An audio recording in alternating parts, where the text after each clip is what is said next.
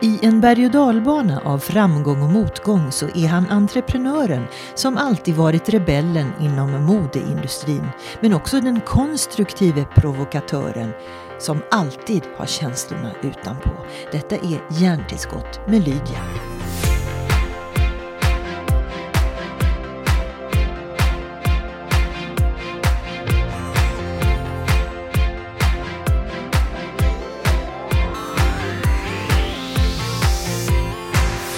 Bara säga, det var så roligt. Jag tog en kopp te och så står det en massa grejer, man fattar ju aldrig vad det är. Så stod det Womankind. Var det en sån sak? Och då tänkte jag, menar de att man blir snäll mot kvinnor eller är, Ja. är detta någonting som är snällt mot just kvinnor? Eller är som, det för kvinnor? Kvinnote? Ja, kvinnote, Ja, vilket det- känns... Vilket skott utanför. Ja. Eller hur? Det Ja, jag tänker du som är gammal Nej. marknadsförare. Ja, det, Nej, det där är, går förbi mig. Det, skulle, det där skulle inte få komma ut ur min penna. nej, så är det va? Ingenstans. För vet du vad eh, Per, jag ser ju dig som nästan feminist ibland. Ja, det har ju jag aldrig gjort själv. Men jag har blivit beskriven som det. Bland annat av Cecilia Hagen någon gång som såg mig som en, en eh, ja, skolboksfeminist. Mm. Till min dotters stora glädje Ja, ska jag ja. säga. Ja, jo, men, Men lite du- grann så. Men också för att du har genom ditt yrkesliv fokuserat på kvinnliga konsumenter eh, så. Ja, och ehm, i den kontexten att jag har väl också haft orsak därtill. Mm. Jag har alltid levt väldigt, väldigt, spelar vi in? Nej. Vi spelar in. Ja, jag har också levt, ja, men jag har alltid levt väldigt, väldigt nära min, min familj och min familj har ju till största delen i dess stora närvaro i alla fall varit kvinnor. Mm. Du är en jäkel på att producera döttrar. Ja, kan du förstå. Jag vet inte vad det är, men jag, jag är helt säker på att det ska bli flickor. Ja. Du Per Holknekt, Ja. välkommen till den här podden. Och jag måste säga att jag är jätteglad att jag får äga en liten stund av Äga ditt mig liv. för en stund. ja. ja, men detsamma. Det Ja. är kul att vara här. Jag har, jag har dragit ner på poddandet en tid och nu tänkte jag, men det här, det här vill jag göra. Ja, vad roligt. Ja. Och jag har ju sett dig och jag har ju hört dig och vi har Mm. ju träffats kort förut sådär. Men jag måste säga att eh, inför det här eh, samtalet så har jag tittat på program, jag har lyssnat på poddar. Eh, ja, för att liksom se eh, vad är det du säger egentligen. Och det är ju gripande hur fascinerande, om jag får uttrycka mig så, din berg och dalbana till livsresa fortfarande är. Mm. Eh, och bara för att reda ut begreppen innan vi Ja. fortsätter. Var är du nu i denna berg och dalbana? Um, ja, det, det är en bra fråga faktiskt. Och, och jag fasar inför det faktum att jag inte har svaret. Jag är ju i ett skede när jag har igångsatt väldigt många processer och då är det oftast uh, företagandet som ciceron för mig. Och när man liksom sjösätter en idé som man har varit eh, länge och väl på verkstad och labb med och ska ut i verkligheten den här gången dessutom med investerare bakom mig så lever jag i ett, eh, en slagväxling ska jag säga mellan hopp och förtvivlan. Och eh, det kan skilja på minuter. Eh, jag är fullkomligt livrädd för vad som komma skall men jag måste ju ändå våga fortsätta tro. Så att jag, jag, jag står i, i lite rädsloläge. Gör jag, för jag vet att i varenda risktagande så finns ju en, en chans att förlora. Mm. Och eh, också en chans att förstås eh, lyckas. Mm. Men du har ju, rätta mig om jag har fel, efter varje dalgång så har du ju byggt upp igen Mm. Ja. och varit oerhört kreativ. Ja, och det här är väl lite grann av mitt elixir så tillvida att jag, jag tycker ju om när det är svårt. Eh, min far sa till mig när jag var liten att uh, gör inte livet så jävla enkelt för dig min son så ska du se att du har lite roligare. Och, och Gud vet att jag har tagit far på allvar. Men uh, jo, jag tycker ju om att bygga. Jag är ingen verkmästare i gården som går omkring och, och byter säkringar. Utan jag, ja, men på något vis. Jag tycker ju om att, att, att bygga upp. Och när jag väl då har det visat sig uh, ha byggt upp någonting till att bli någonting starkt, närvarande och, och eh, närande ska jag säga. Så har jag en tendens till att eh, känna obehag i det. Att nu är jag ju klar. Då måste jag ju på något vis eh, riva alltihop. Så jag får göra det igen. Det är därför jag frågar just den frågan. Ja. Var är du nu? Men, ja, men jag är i uppbyggnadsfas. Jag har haft en tid, man mörkar ju gärna si- sina, sina tvivelsamma stunder. Mm. Och jag har haft en ganska så, ganska, ganska så bekymmersam tid. Mm. Men just nu så, jag mår bra, jag känner mig stark, men jag är orolig för hur allt ska gå. Mm. Jag har ju dessutom en liten dotter där hemma som är ett och ett halvt som jag uh, vurmar och värnar väldigt mycket för. Och, Snacka om motiverande. Ja, så är det. Jag, jag har ju kommit till den aktningsvärda åldern av 58 nu och jag förstår ju att min, min klocka tickar väldigt högt. Jag måste ju liksom se till att fylla min sista tid här på jorden med, med näringsrikt innehåll för att sen sedermera då lämna efter mig någonting som är värt att ha. Mm. Tänker väl alla föräldrar lite till mans och där och särskilt ja. du kan tänka mig som ändå har byggt upp så mycket så ja. många gånger. Ja. Jo, men, men sen är det ju också så tacknämligt att med ålder kommer också förändring. Det kommer stillsamhet, det kommer andra eh, längtningar i livet. Jag har ju inte längre um, siktet ställt mot uh, rädslosensationer utan jag har ju liksom en annan dröm idag och de är av mindre karaktär. De är liksom att, att finna lite ro, är inte fy skam. Får du lite vallningar också? Ja, de, de finns eftersom min mor sa min son, du är en, en flickas väsen i en mans kropp. Så att, vad vet jag? Nej, men, men eh, ja, jag känner ju på något vis uh, att uh, det är hög tid att ta tag i sådana saker som att faktiskt finna ro. Mm. Uh, det är hög tid att ta tag i framför allt uh, längtan efter att finna kärlek till mig själv. Mm, mm. Som du så ofta har pratat om också. Ja, och den, den är ju um, jätteenkel i teorin. Mm. Jag har kommit så långt nu att jag har lärt mig att tycka om mig själv när jag är ensam. det, Bara en sån sak? Det är en stor sak, men sen går jag utanför den där förbannade dörren och då infinner sig de här eviga jämförelser med andra människor och då krymper jag. Mm. Men här är du väldigt omtyckt också ja, Per. Ja, jo, jo, ja, jo. Men det som är konstigt tycker jag att du sällan pratar om att du är en jäkel på tårtbakning och att du vann mm. medalj för det ja. långt före eh, eh, skateboardkarriären. Ja, det var min första stora. Ja, nej, ja, men det är Eller var som... det bara en liten bigrej? Ja, alltså ser jag någonting som kittlar mig så, så går jag ju dit. Jag har ju väldigt nära från tanke till handling. Mm. Och det satt väl någon liten notis i Falu-Kuriren på mitten av 70-talet att där skulle arrangeras Falumästerskapen i tårtbakning och jag tänkte, ja men varför inte? Jag förväntas ju inte vara med i det. Och det, jag tror att Alma, 62 år, var näst yngst i tävlingen och jag var pojke på 16 och den enda killen för övrigt. Men det var 50 deltagare kanske, jag tog en eh, ärefull eh, silvermedalj. Redan då antog du utmaningar? Ja, men nu, nu satt ju å andra sidan farsan i juryn. Så att man, man ska välja sina strider. Varför sätter de en polis i juryn? Ja, säg det. Pappa var ju alltid väldigt engagerad i kultur och, och olika typer av ting där, där hemma vid. Så att far fick väl mig att liksom öppna upp ögonen för saker och ting. Han mm. satte mig i ett väldigt märkligt arbete som 15-åring när jag jobbade extra som oskyldig. Eh, det vill säga vid konfrontationer när något brott hade begåtts så skulle man ju ha en skyldig och fyra oskyldiga och jag jobbade som oskyldig i några år. Är det sant? ja. Vad gör man då? Ja, men det är en så kallad line-up. Just det, som man ser på tv och deckare och sådär. Ja, det är ungefär samma sak. Ja, så var det. Så jag fick hundra spänn per gång för att vara oskyldig. ja, det, det, står kvar på mitt CV. Ja. Fascinerande. Ja.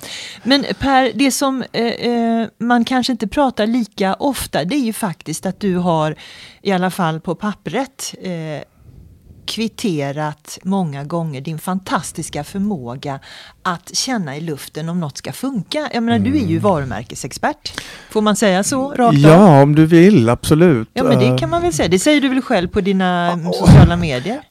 Vet du vad, jag lyckas med varumärken. Om jag så är expert vet jag inte, för experter de är av eh, långt mer akademisk karaktär än jag, om man ska gå expert per definition. Så att jag, jag jobbar nog snarare på att jag inte är expert och gör saker på känsla och jag uh, utgår ifrån kundperspektivet mycket mer än vad en normalt avsändande uh, expert så mm. gör.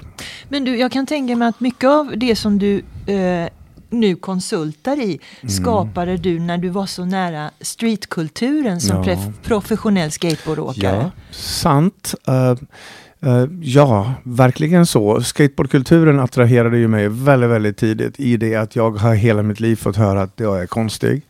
Att jag, det är något fel på mig, jag har någon bokstavskombination här och var. Och vi som liksom hamnade i de här eh, utanförskaps självbildsidentiteterna.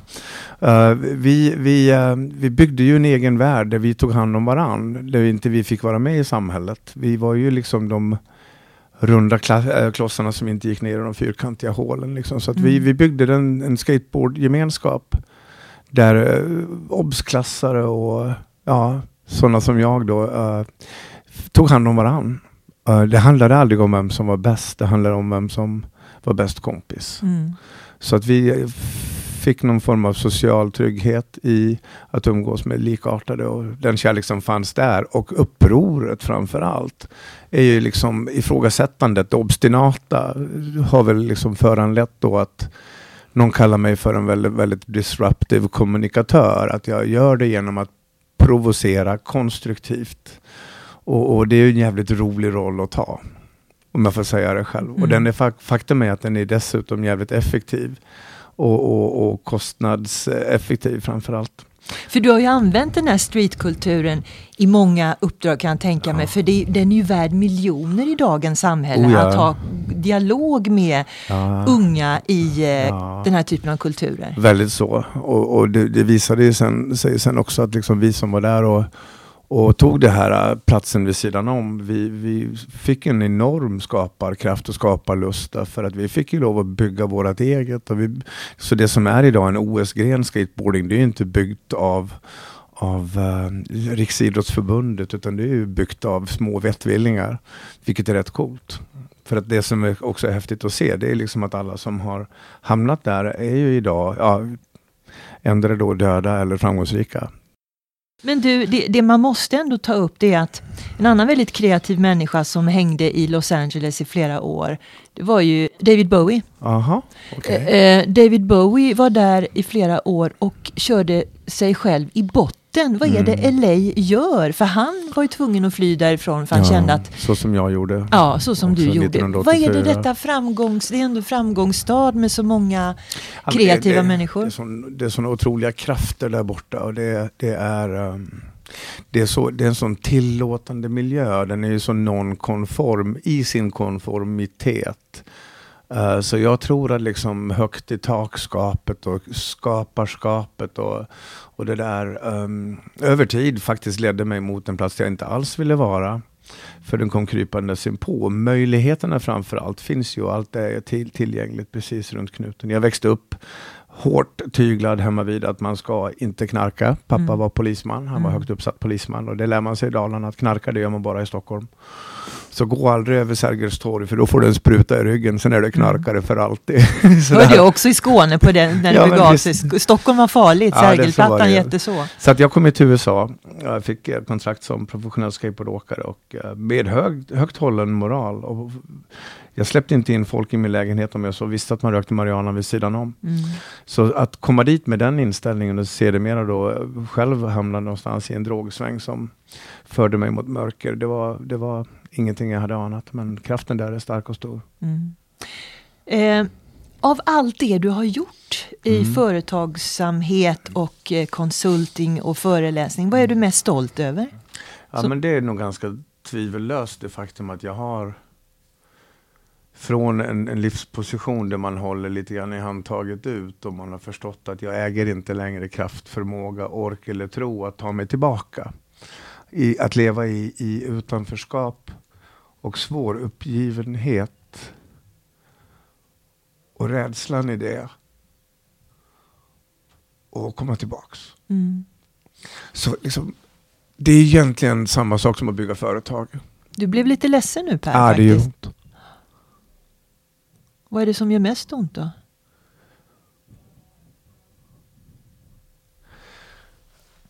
Uh, jag har ju någon sån här jävla obehaglig attraktion till destruktivitet som liksom för mig tillbaka till känslan och jag blir rädd för att jag tycker att det finns en härlighet i det. Um, jag vet inte, det är väl ingen slump att det är först vid hög ålder och efter svåra tider som jag förstått Janis Joplins rad som heter Freedom's just another word for nothing left to lose.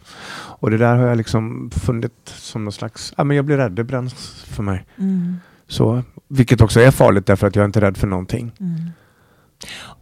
Och Så. vet du Per, det ser man också när man följer dig i sociala medier. Jag tänker mm. på eh, du gick ju hårt in för att erövra LinkedIn. Mm. För att vara lite disruptiv även Ja. där. Kan du berätta hur du tänkte? Ja, men det här var nog tre, fyra, äh, fem kanske år sedan när, när, när fenomenet LinkedIn faktiskt dök upp i var mans mun och man började prata om det. Alla sa att det var så värdelöst och så ytligt. Det var bara en CV-gemenskap eller det var dåliga quotes av Steve Jobs eller vad som.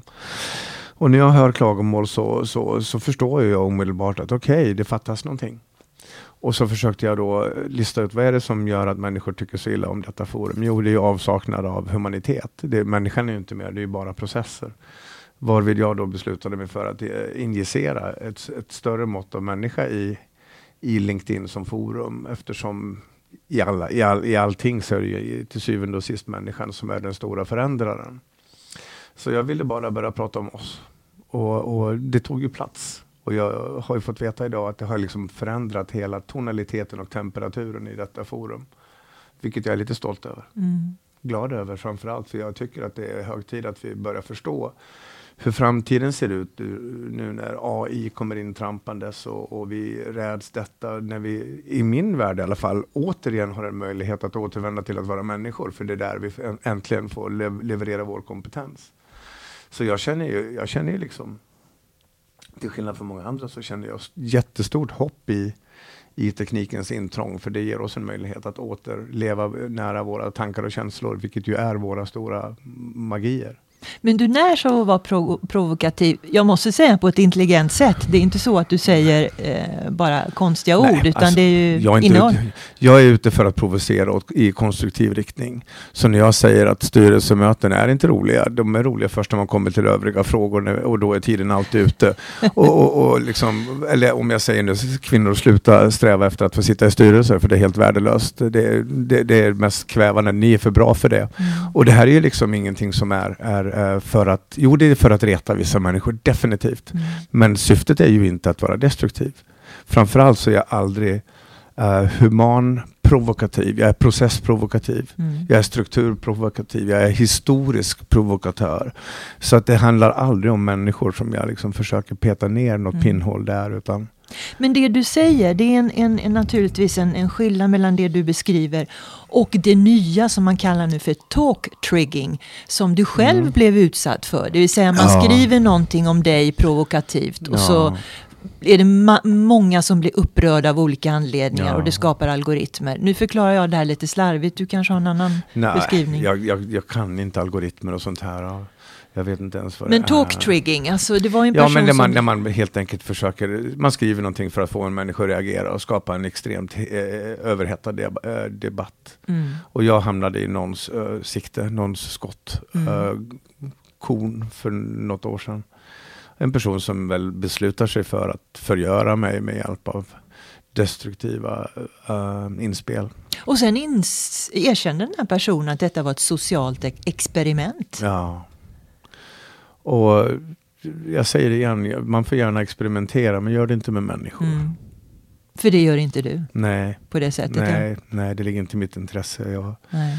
jag känner noll avund mot människor som är ovanför mig. Jag känner stor omsorg om människor som är under mig i, i självbildsläge och så vidare. Så att jag, nej, jag har inte det i mig. Men du, givet allt vi har pratat om och din egen personlighet och allt du brottas med så är det ju en särskild tid vi lever i när det pågår massa sådana här sociala experiment Mm. i sociala medier och samtidigt är det så viktigt för just Mm. marknadsföring. Hur katten ska man förhålla sig till allt detta? Säg det ja. Men, men, eh, Jag frågar dig som konsult. Ja, nej, men som kommunikatör så brukar jag liksom ofta rekommendera att återgå till blyerts och papper.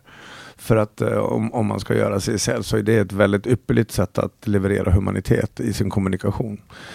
För att bygga relationer som är baserade på människor och känslosamhet. För jag tror ju på känslorelationer, humana relationer i framtiden mellan älskanden eller föräldrar versus barn eller polare eller främlingar eller kund, leverantör, medarbetare på jobbet. Att bygga mänskliga relationer, det tror jag på för framtiden. För där i bor också en en osårbarhet. Om vi, om vi vill bygga bärande relationer så är det hög tid att vi släpper våra titel och visitkortsrelationer och, och för över det här mer mot uh, oakademiska, det vill säga känslomässiga relationer. Mm. Men det är väl därför Facebook har två miljarder ja. användare, ja. för att man så lätt kan skapa relationer nu. Ja, Men det, det kan ju också bli väldigt fel. Ja, det kan gå väldigt, väldigt fel förstås.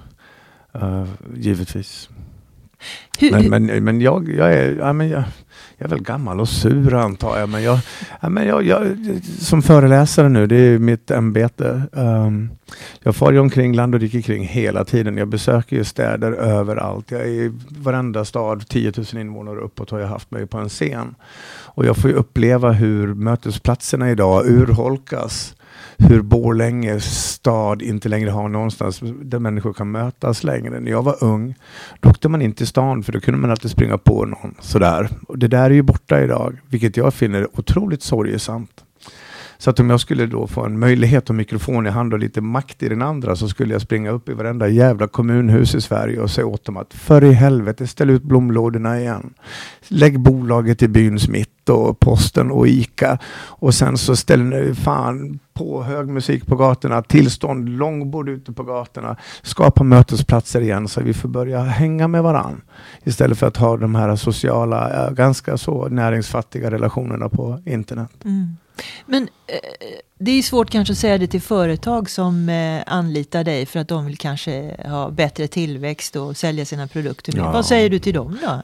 Ut med blomlådorna? Nej, men alltså, ja, ställer du upp blomlådorna och långborden så ska du då ge dig fan på att Gretas garnbord säljer mer garn in i stan än idag när de åker ut till kupolen. Så, att, så att jag har alltid ett intresse av någon form av tillväxt, om det så är resultatmässig eller mänsklig. Ofta sitter de ihop.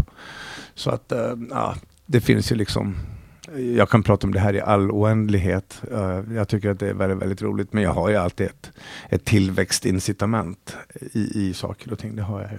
Men du, vilken målgrupp är viktigast? Innan var det ju millennials som man pratade väldigt hett om och alla vill ju mm. fånga, alltså de som är runt 30. Uh, men nu blir ju förändrar sig demografin här. Både du och jag är mm. lite äldre än vad vi var ja. för några år sedan. Och, jo, så är det Per. Eh, och, och var, var, var, var, var ska man fokusera nu? För att göra vad? Precis. Det är väl det som är den stora ja, frågan. Ja, såklart. Mm. Men, men om vi nu ska ha någon form av det finns ju faktiskt saker i det förflutna som är av god art som vi icke ska förvägra oss.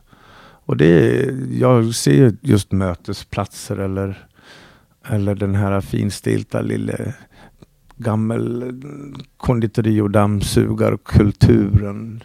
Som, som jag tror att vi kan hämta saker i det förflutna för att göra vägen framåt lite, lite behagligare. Så att, ehm, vem, vem, ska man... Alltså, allt landar ju i makt, men makten kan ju idag påverkas eh, underifrån vi kan ju ta på oss gula västar och springa ut på stadens gator och säga ifrån. Mm.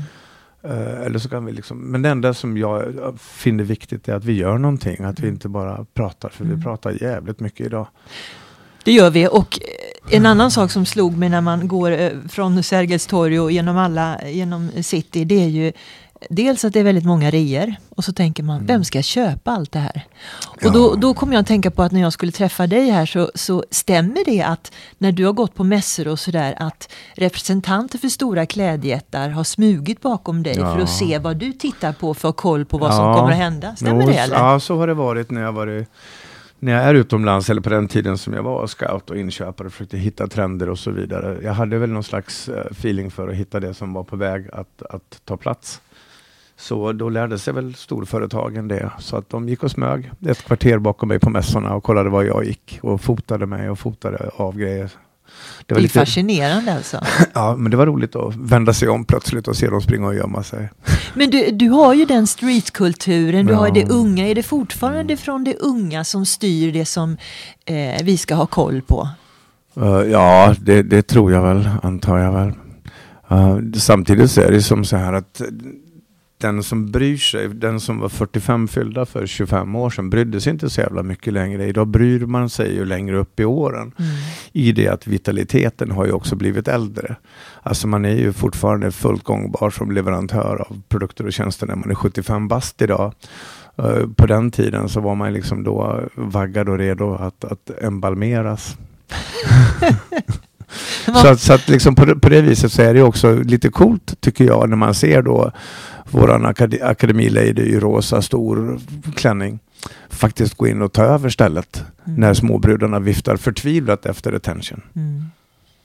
Det ska jag komma ihåg det du sa nu. Ja men visst är det jävligt coolt. Jag mm. menar, jag har ju levt i modeindustrin i alla dessa år. Jag har ju liksom jag har ju gått på Elgalan som var häromdagen hur många gånger som helst och jag vet, jag vet vad som händer där. Det är liksom det är kvinnornas afton. Männen går i något slags svart tyg och tjejerna slåss om, om uh, vem som liksom tjurfäktarna i Madrid ska plocka upp. Och uh, efter tre veckors förberedelse så kommer alla in på denna fantastiska föreställning och liksom hela tricket är att säga till så många som möjligt att de är fabulous för då får man höra det tillbaka. Ungefär som likes på Facebook. Ja, men lite grann. Och in kommer då liksom Sara Danius och, och tittar inte ens åt sidan. Mm. Och bara äger stället. Mm. Nu tycker jag personligen då att när vi kommer till Nobelfester och så vidare så är, blir jag lite ledsen när, när allting äh, landar kring kvinnors klänningar. Jag, jag äh, sätter liksom hellre mig själv i samtal med Donna Strickland och får lära mig om speglar och laser. För där blir jag fascinerad och den fascinationen från Nobelfesten som jag tycker vi ska skriva om dagen efter festen. Mm. Inte brudarnas klänningar för då är vi tillbaka till Ken och Barbie.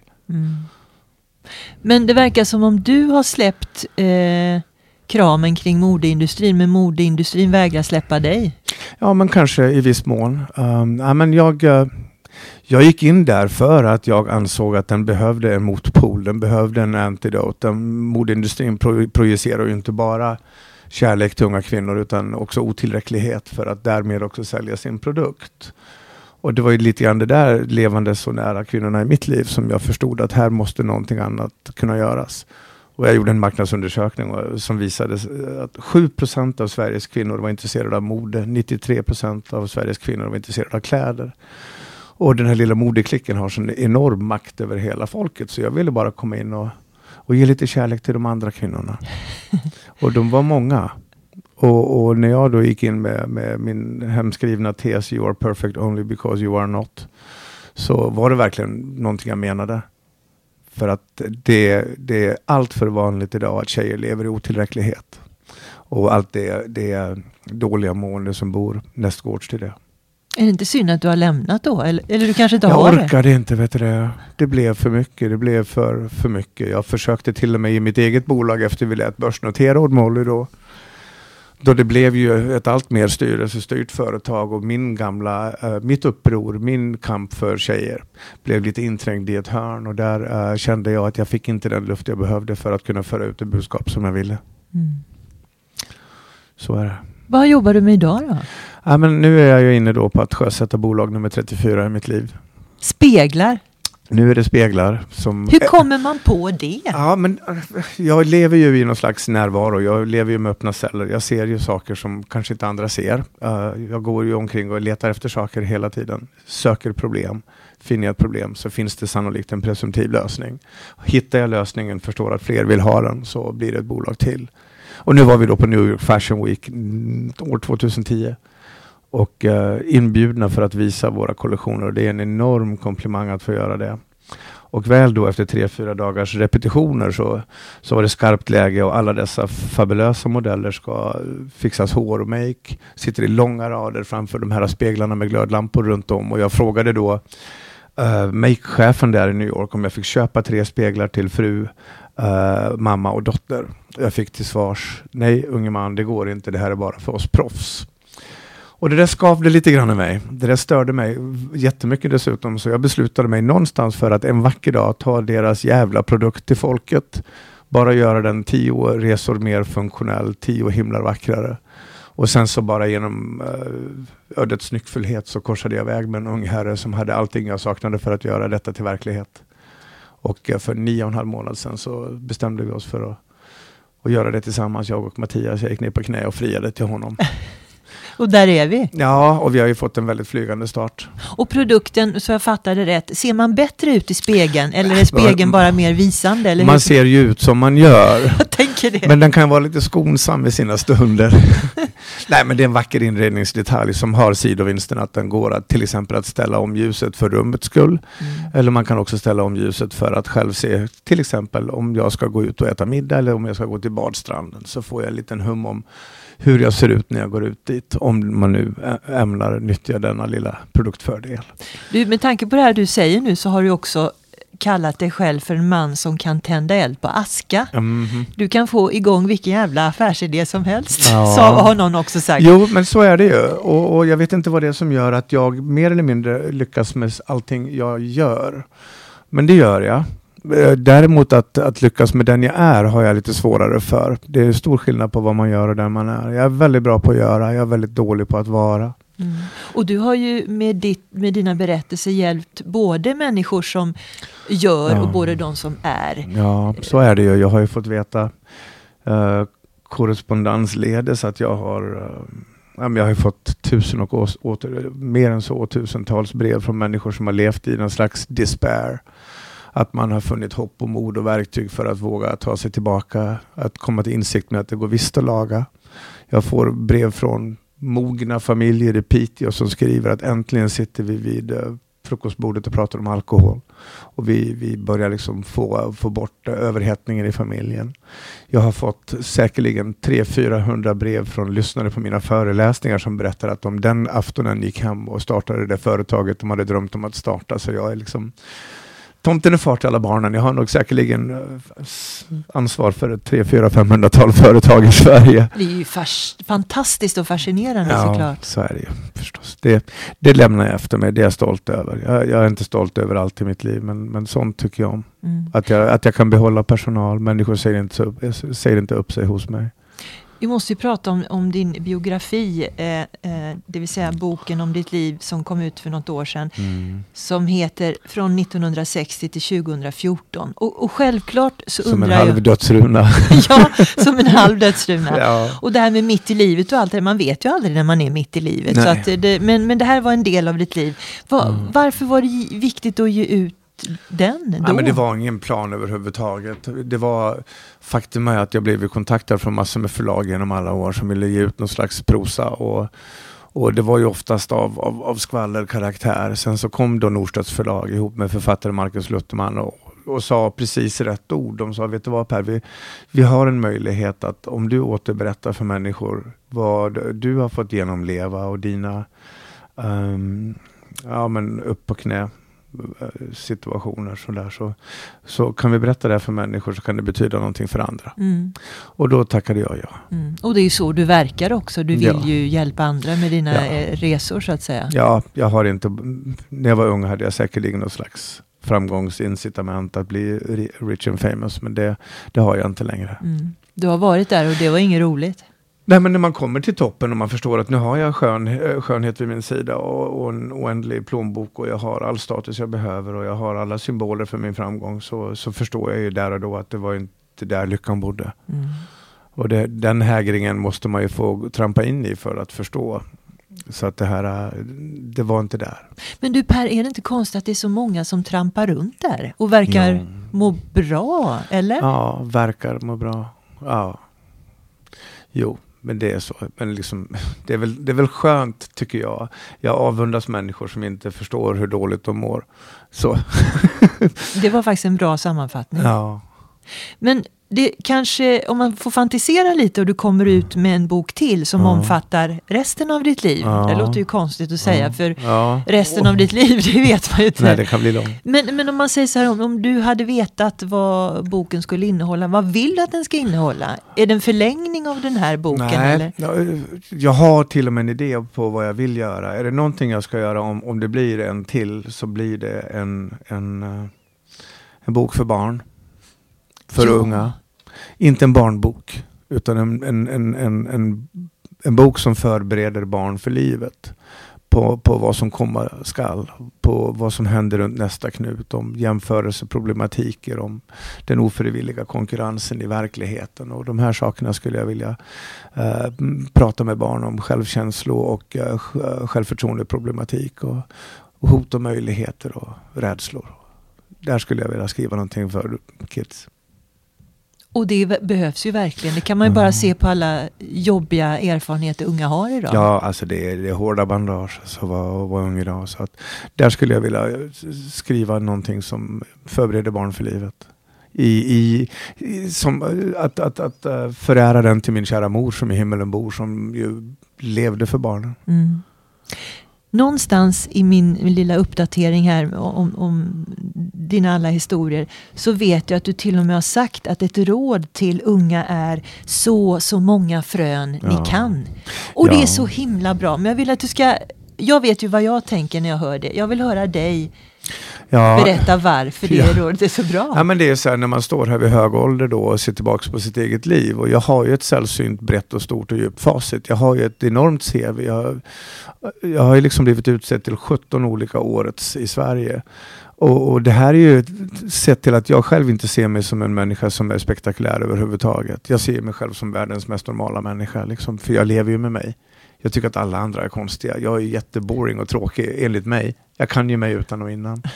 Ja men faktiskt. Men när jag står här idag så förstår jag då att jag då i min begränsade persona har åstadkommit så jävla mycket. Så spårar jag tillbaka och försöker lista ut hur blev det så här då? Och sen ser jag alla de här små, små ofarliga ögonblicken längs mitt livs väg där jag har fattat beslutet att göra någonting att skicka in insändaren till Expressen eller att göra vad som. Men alla dessa små ting som jag har gjort för länge sedan som då inte betydde någonting i sin oförståndighet har meandrat sig runt och tagit sig fram och blivit till det som sedermera då kallats för framgång. Varför jag också rekommenderar barn att gör jävligt mycket. Sätt processer i rörelse, skicka in energier i omlopp så frön, beta krokar, gör det tidigt. Säg, föräldrar, säg det till era barn. Gör bara jävligt mycket. Det behöver inte ens ha en agenda. Men gör grejer. För ni kommer att stå där vid hög ålder att förstå att det var där det hände. Var rädd om dig Per och tack för att du kom. Ja men tack för att jag fick komma hit. Jag tyckte om dina frågor. Vad skönt att höra. Ja. ja men tack. Tack.